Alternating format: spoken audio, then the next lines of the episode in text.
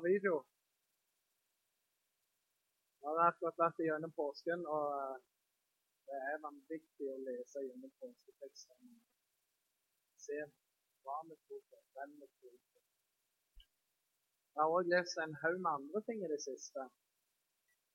Eh, mye skrevet av artister, humanister og forståelsesbrødre som handler om hvor tåpelig den kristne tro er, hvor er. Og så blir liksom middelalderen det er eksempelet hele tida.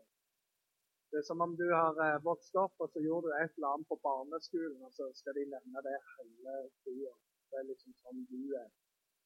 Og Greia med den kristne tro er at eh, du er nødt til å se på hva var grunnlaget, hva var starten?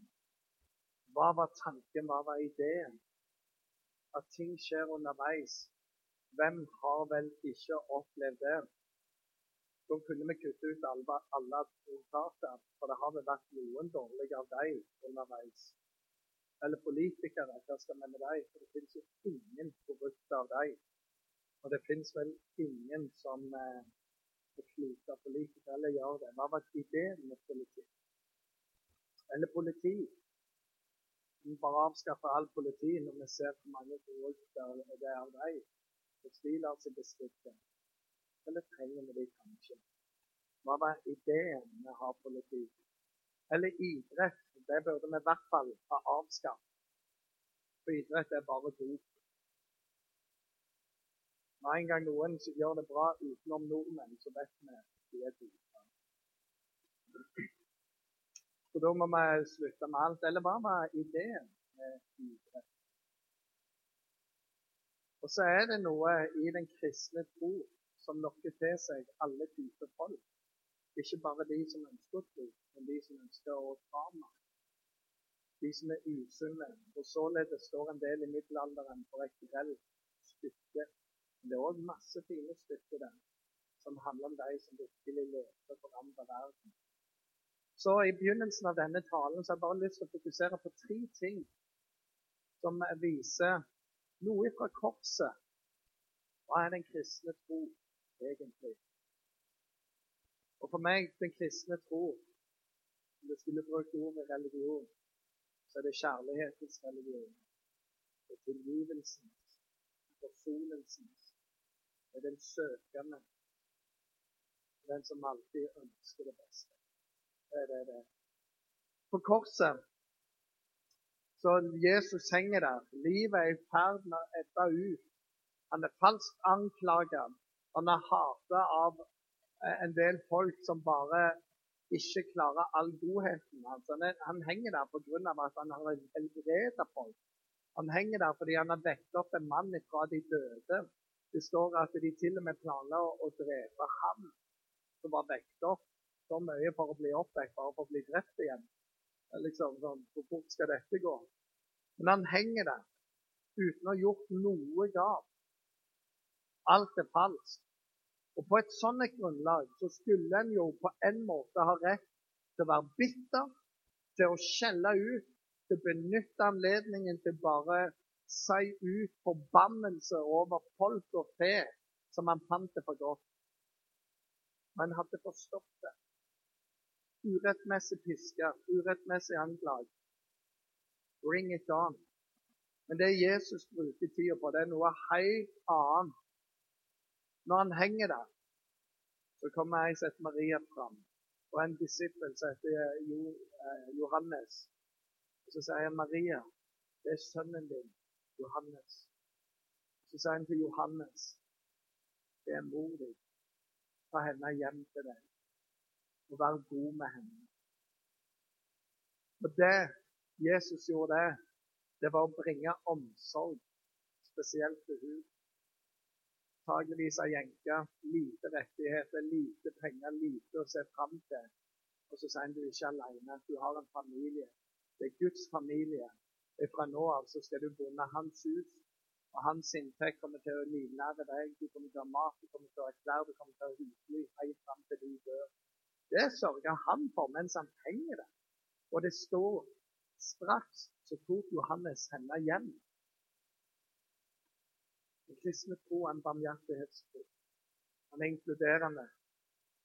En av de nyere historiene som fascinerer meg, det er vekkelsen som var på Vegårshei 100 år siden.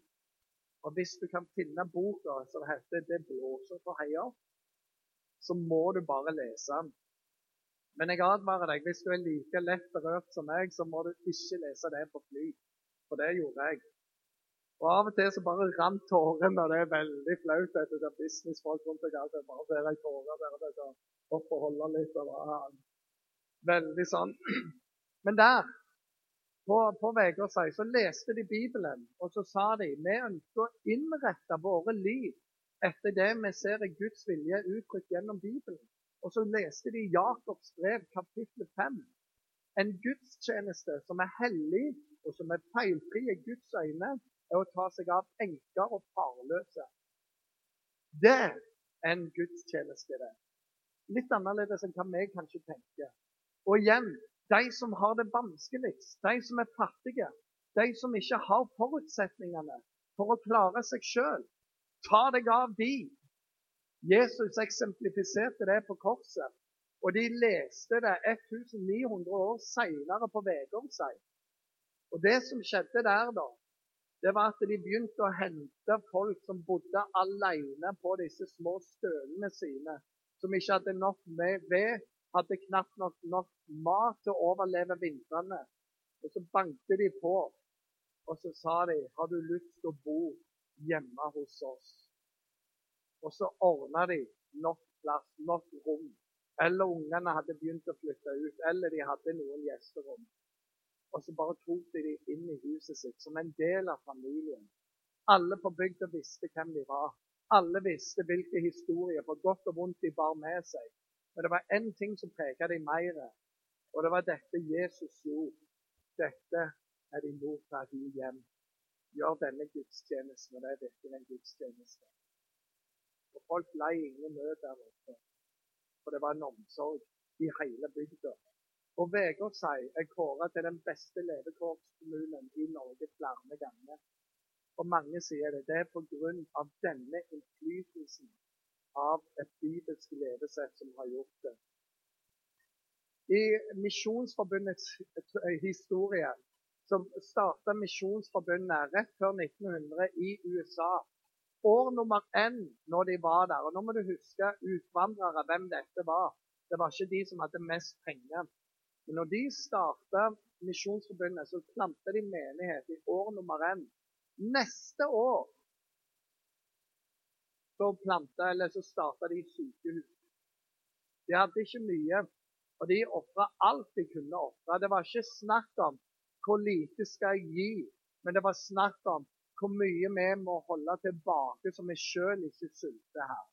Og så vi sjøl kan fortsette å bygge landet her. Og så bare ga de alt det de kunne vekk i år nummer to av menighetens virke i USA. Og de bygde sykehus. Sånn at de skulle kunne ta seg av hverandre. Litt annerledes verdier på det sykehuset enn sånn som du ser nå på filmer fra amerikanske sykehus. Du trengte ingen forsikring, du fikk hjelp. Det var noe med Jesus på korset der som viste noe om Guds barmhjertighet, om Guds inkludering. Det var òg en røver Det var to røvere som hang på korset. Og de hang der for ting de hadde gjort. Og straffen var fortjent. Han ene han er fortsatt i opprørsmoduset. Og han vender seg bort til Jesus og sier ja, du er vel Messias, så frels deg sjøl nå. Bare gjør mange kule ting, så du kommer deg ned. du er ikke bedre enn oss, du.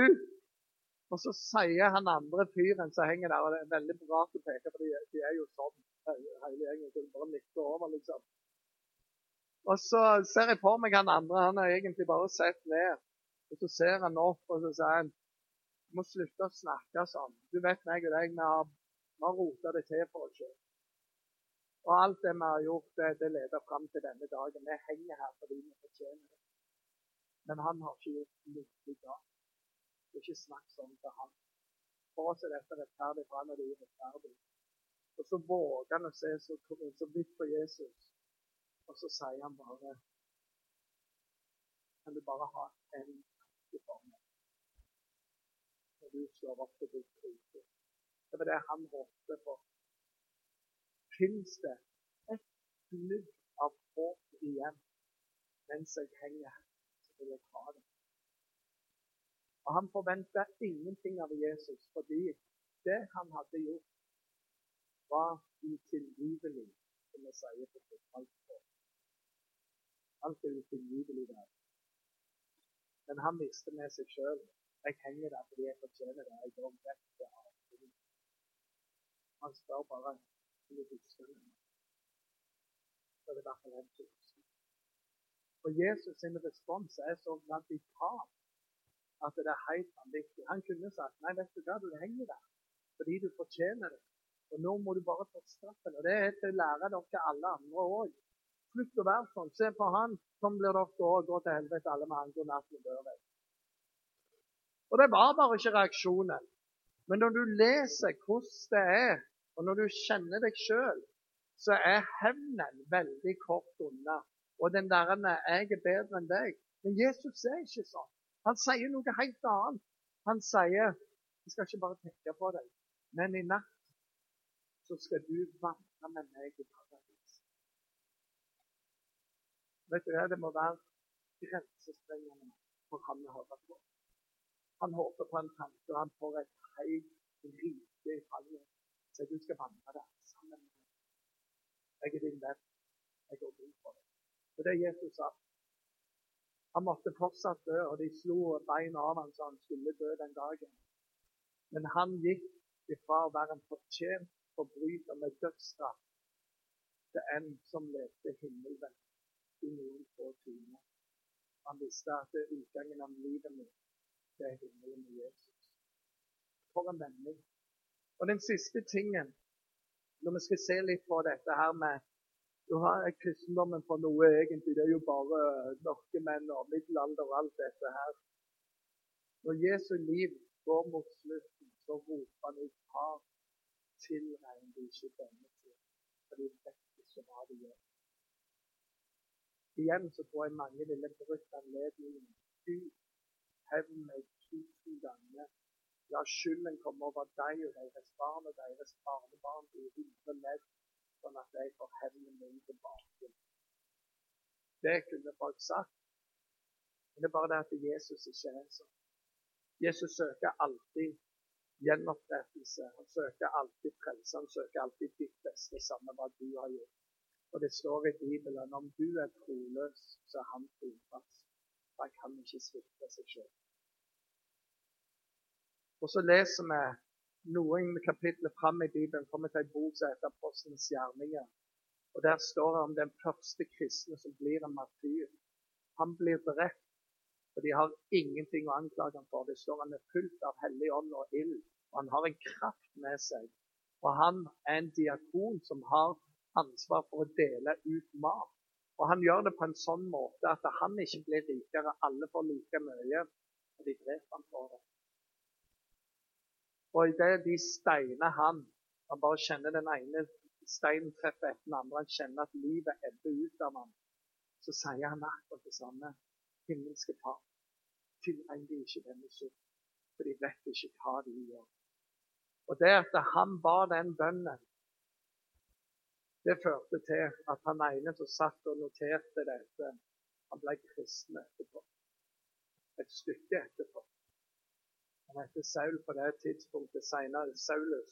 Senere blir han kjent som Paulus. Og han brakte evangeliet til Europa, til oss. Fordi det var noen som ikke forbanna. De sa bare 'Far tilregner ikke denne synd'. Tilbake til denne røveren. Han fikk en omvendelse eller han fikk en omfavnelse, og det går på det samme. Omfavnelse eller omvendelse. Han fant noe. Det finnes så mange historier i Bibelen som går akkurat på det samme, og vi ser det gjennom kirkehistorien. Så når folk sier hva er kristendommen, så sier jeg la oss se på Jesus. Jeg har gitt deg tre ting bare nå fra korset.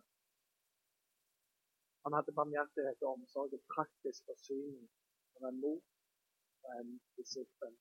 Han bare gjorde det. Hun hadde det trygt. Han førte en røver inn i evigheten. Og så tilga han oss. Og Det som jeg skal bruke resten av talen på, det er at det i påsken så ser jeg tre spektakulære jeg vil bruke det ordet, spektakulære oppstandelser. Som er helt grensesprengende. Og for meg så taler det. Og denne talen begynte i meg i høst, når vi satt her. Og lovsangsteamet som var på da, det var ei som heter Talette og synger, sang en sang, og så bare pff, Der var alt sammen. Og jeg sa bare wow! Jeg gleder meg til påske. Og her er greia. Det første det er røveren som henger på korset. Han henger der for å dø. Når han har dødd, og han slår opp øynene igjen, så ikke det er noe mørk plass, men det er en plass der Jesus står og tar imot ham. Jeg sa meg og deg skulle vandre et paradis. Kom og bli med. Og han våkner opp til himmelen. Og himmelen er så vanskelig å beskrive at når vi leser i Bibelen, så ser vi bare hva himmelen ikke er. Det er ikke sykdom. Det er ikke død. Det er ingen såra. Det er ingenting ondt der. Det er bare godt hele tida. Og, og, og, en klarer ikke å beskrive på en måte verdien av det. Så han sier det er gater av gull. Det er porter med edelsteiner overalt. Og så er det bare bilde på at det, det syke, sykeste, sykeste bra jeg noen gang har sett, det er himmelen. Pluss litt. Det er bare enda bedre. Jeg klarer det ikke. Det er bare et eller annet vanvittig bra. Og der våkner han opp. Det er den første oppstandelsen. Den andre oppstandelsen, det står det når Jesus dør på korset, så revner forhenget som var i tempelet i to. Det var et teppe som var vevd i syv, eh, i syv sømmer, sånn at du kunne ikke rive det av. For det var aller helligst. Og det var kun én som fikk lov å gå inn der en eneste gang i året. Det var øverstepresten. Og De hadde en, noe tau rundt beinet på ham med ei ringe på. Akkurat sånn som vi har på katter i dag, men sånn rundt og du hører hvor han er. Så gikk pressen bling, bling, bling. Og hvis det slutta seg pling, så betydde det at han hadde et eller annet synd i livet som han ikke hadde gjort opp. Han døde for en Guds åsyn, for Gud er hellig og ingenting syndig tåler være der. Og så var det ingen andre som kunne gå inn der, og det var litt dumt å vente helt til neste år før noen kunne gå inn der. Så de hadde ei snor, og hvis han plinga seg ut, så måtte de dra han ut. Hvis han fortsatte å plinge, så fikk han gjort sitt og gikk ut igjen. Med Jesus sin død så bare revna det. Og i den revninga der så sier Gud til oss du har adgang like foran Guds trone når som helst hvor som helst, på hvilken måte som helst. Du trenger ikke å rense deg, du kan bare komme akkurat som røveren. Husk på meg hvis han bare kom til meg. Du skal ikke dø, men det kan være du finner livet ditt. Det er når Jesus dør der han er. Og så står det en annen ting som jeg aldri har hørt noen forkynne over, og det var det som bare i høst. For det står at det er mange hellige som var begravd i Jerusalem. Altså Folk som var døde, som regnet som hellige og gode folk, de sto opp igjen. Det er litt av et syn. Det er der alle zombiefilmene har sine greier. Wow! Og De står legemlig opp, og i flere dager så viser de seg for folk i Jerusalem. Og så står det ikke mer. Og så bare, Hva skjedde etter de dagene? Så, ah, time to go! Så ned i grava igjen og så bare legger seg. Eller hva skjer egentlig der? Vi vet ikke. Men det er jo helt ekstremt å tenke på at en gjeng som er døde, står opp, og de vitner om Jesus. Og Jeg fatter ikke hvordan folk ikke kan tro. Ikke du ligget der to uh, år, onkel? Jo, men Jesus har reist meg opp for å fortelle at det er han som er Kristus. OK, jeg skal tenke på det. Hvor er det? Men de sto opp, og de vitna. Den tredje oppstandelsen det er Jesus sin egen oppstandelse. Og I brevlitteraturen, det som kommer etterpå, der står det 'Død, hvor er din brodd? Død, hvor er din seier?' Djevelen hadde ett mål, det var å knuse Jesus. Og Gjorde han det, så ville han vinne. Og han trodde at han knuste ham på korset. Men så står det skrevet det at eh, Jesus triumferte over makten og myndigheten på korset. Og han tok nøklene til dødsriket. Og han strøyk ut den gjelden som du har, og nagla det på korset. Og hva enn djevelen måtte prøve å skrive opp, så bare renner Jesu blod over det, så det går ikke an å se noe annet enn Jesu blod over ditt liv. Hvilket betyr du er fri fra fordømmelse, fra all anklage. Hvis du går rundt og kjenner deg anklaget, så er det sånn, det kommer ikke fra Gud. For du er fri. Og grunn til å heve hodet og se opp. Så her er greia. Jeg tror noen av dere kjenner dere som en røver. Du vet bare at ting er ikke på stell i livet ditt. Du har rota mange ting til. Det ser ikke så bra ut. Og du vet med deg sjøl, eller du tenker med deg sjøl Jeg kan ikke være kristen, eller jeg er i hvert fall ikke en god kristen. Jeg er ikke noen vitnesbyrd. Jeg er antivitnesbyrd. Hvis jeg er frelst av noe, så må det være nåde alene, altså. Det gjelder oss alle, faktisk. Føles som nåde alene. Men det er vondt.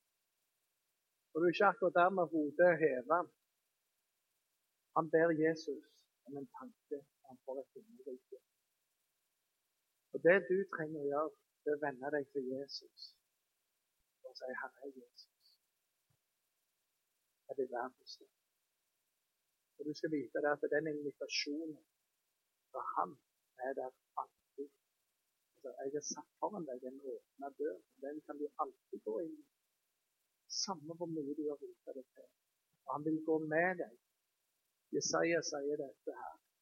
Hvis du går igjennom ild, så skal ikke den brenne deg. Det jeg går med deg. Går du gjennom vann, så skal ikke det rive med deg, og det skal ikke drukne deg. For jeg går med deg. Han sier ikke at han nødvendigvis tar vekk alt dette, her, men han sier jeg vandrer med deg gjennom alle de tingene. I misjonsbefalingen som kommer på helt til slutten av Jesus sitt liv, så sier han dette. Og se, jeg er med dere i alle dager ut til verdens ende i de gode dagene dine, i hallelujadagene dine og i de dårlige dagene og de virkelig gode dagene. Jeg er med deg i alle dager. Fortsett å våge å se på Jesus. Fortsett å våge å invitere han inn i smerten. For du skal ikke dø som en forbryter, men du skal få vandre et paradis med ham. Disse hellige Jeg tenker metaforisk på dette her. For det er noen som faktisk har levd med mye hellighet i sitt liv, og som opplever at det døde på en måte. Jeg har gjort alt dette for Jesus, og så får jeg ingen belønning av det. Jeg har levd rent, jeg har ofra mye, jeg har gitt av min tid. Jeg har valgt en annen vei når de andre valgte noe som jeg visste var galt. Så sitter jeg. og det kan være dødt. Men når Jesus døde på korset, så reiste det hellige seg opp. Og det gikk ut. Jeg har bare lyst til å si til deg at noen av dere vil oppleve det at Gud kommer til å reise deg opp i livet på et annet tidspunkt. Det var en som sa det sånn hvis du gir det beste av livet ditt til Jesus, så vil han velsigne det nest beste, sånn at det blir som det beste. Og så er ikke livet rettferdig. Men du er på vei til noe bedre. Og slutten på livet er ikke slutten på deg. Og på den siste dag så skal jeg reise oss alle. Og da kommer han til å seire hans om. Men vi skal be om at det noe av det hellige som nå er begravd, at det skal få reise seg opp igjen. For nå er vi etter påsken. Jesus er død, og han er opp. Og vi er han som sto mange hellige. år. Jeg skal be om at det hellige ditt liv skal få lov å reise seg. For du har kjent det, du har gjort gode ting. Men du har ikke kjent denne Guds velsignelse, Guds gjensvar. Det du kan vite, han har sett deg hele tiden. Han ser deg nå. Og denne siste oppstandelse med Jesu oppstandelse, det er faktisk grunnlaget for hele troen vår. At ikke Jesus stått opp, så var det en død tro. På grunn av denne troen så har veldig mange dødd som martyrer. Og du velger, Noen få galninger velger kanskje det å gi livet sitt på en sak de vet bare er tull. Men ikke mange, mange tusen. Ikke mange millioner. Og hvert år er det mange som dør for troa, for de har erfart Jesus, for de har erfart denne oppstandelseskraften. Og når døden ikke kan holde på Jesus, hva kan holde på Jesus? Ingenting. Og Den kraften er tilgjengelig for deg, og den er tilgjengelig for meg hver dag. Og Det er derfor vi òg sier koble deg på Jesus i bønn, i Bibel, i fellesskap med andre kristne. Mange ganger når du leser, når du ber, så er det ingenting. Men òg så mange ganger så kan du bare si, ah, der er det plugga inn på kraftkilden. Og det bare lever der. Den kraften er tilgjengelig for deg, og den er tilgjengelig nå. Så Du som er en røver. Du som er en hellig. Du som kanskje føler deg sløv. Det er noe vi sier i påsken. Og det er Jesus lever. Og så er svaret tilbake da han er sannhet sammen. Han er sannhet sammen. Og i det så ligger det et løp. Jesus lever. Han er sammen. Du trenger ikke være en røver lenger. Det hellige trenger ikke være begravd lenger. Og Jesus har gitt deg kraften overfor. Og Nå skal vi be, og i denne bønnen så skal jeg ta deg med, for jeg tror at det er en gjeng sitter og, altså, Der er noe med. Så la oss bare holde hendene, se ned eller lukke øynene. Og så har jeg lyst til å begynne med deg. Jeg er nødt til å se litt mer i salen. Eh, jeg har lyst til å begynne å spørre deg som tar meg med, for jeg kjenner meg som en røver. Trenger bare å se litt mer av Jesus. Og det er ikke sikkert du ber Jesus om så mye. Røveren ba om en tanke. Så hvem er du som bare ønsker at Jesus skal at du skal få en tanke av Jesus, eller jeg trenger Jesus som en backup hånd hvis det er det. Du velsigne deg for deg og deg og deg. Gud velsigne deg. For det andre som blir med, Gud velsigne deg. Andre det er folk ser ned, lovsangstimen ser ned. Så det, det, er jeg som ser. Ingen andre. Jesus, er kongen. Rekker du opp hånda, så tar jeg det med. Det er en enkel bønn. Gud velsigne deg. Bare ta med hånda. Gud velsigne deg. Gud velsigne deg. Gud velsigne deg. Det er flere som vil bli tatt med. Det går over, Gud velsigne deg. Jeg ber om den andre kategorien, og det er du som du har levd mye hellig, liv, Men du opplever at Jesus ikke har belønna deg. På en måte er du skuffa, eller du er lei, eller du er sint, eller du er bare litt oppgitt. Men du vet at Jesus reiser opp igjen deg hellige. Men du trenger bare å si det til Jesus. Og du, du har en bønn inni deg om at han skal gjøre det. Så rekker du opp hånda, så skal jeg ta deg òg. Gud velsigne deg, og Gud velsigne deg og deg og deg. Bare ta hånda med. For det andre som å bli kalt. Gud velsigne deg og deg. Vi kan ikke være et hellig folk. For det står i Bibelen at det er den som gir Gud ære, vil Gud gi ære. Den som bøyer seg for Gud, vil Gud løfte opp. Og det er det du har gjort. For det er ikke alltid du føler du vinner jackpot av å gjøre det, men det gjør du bare for det. Hvis bare en gang til er det flere som ønsker å bli tatt med bønn, så rekker du opp i og så skal jeg be.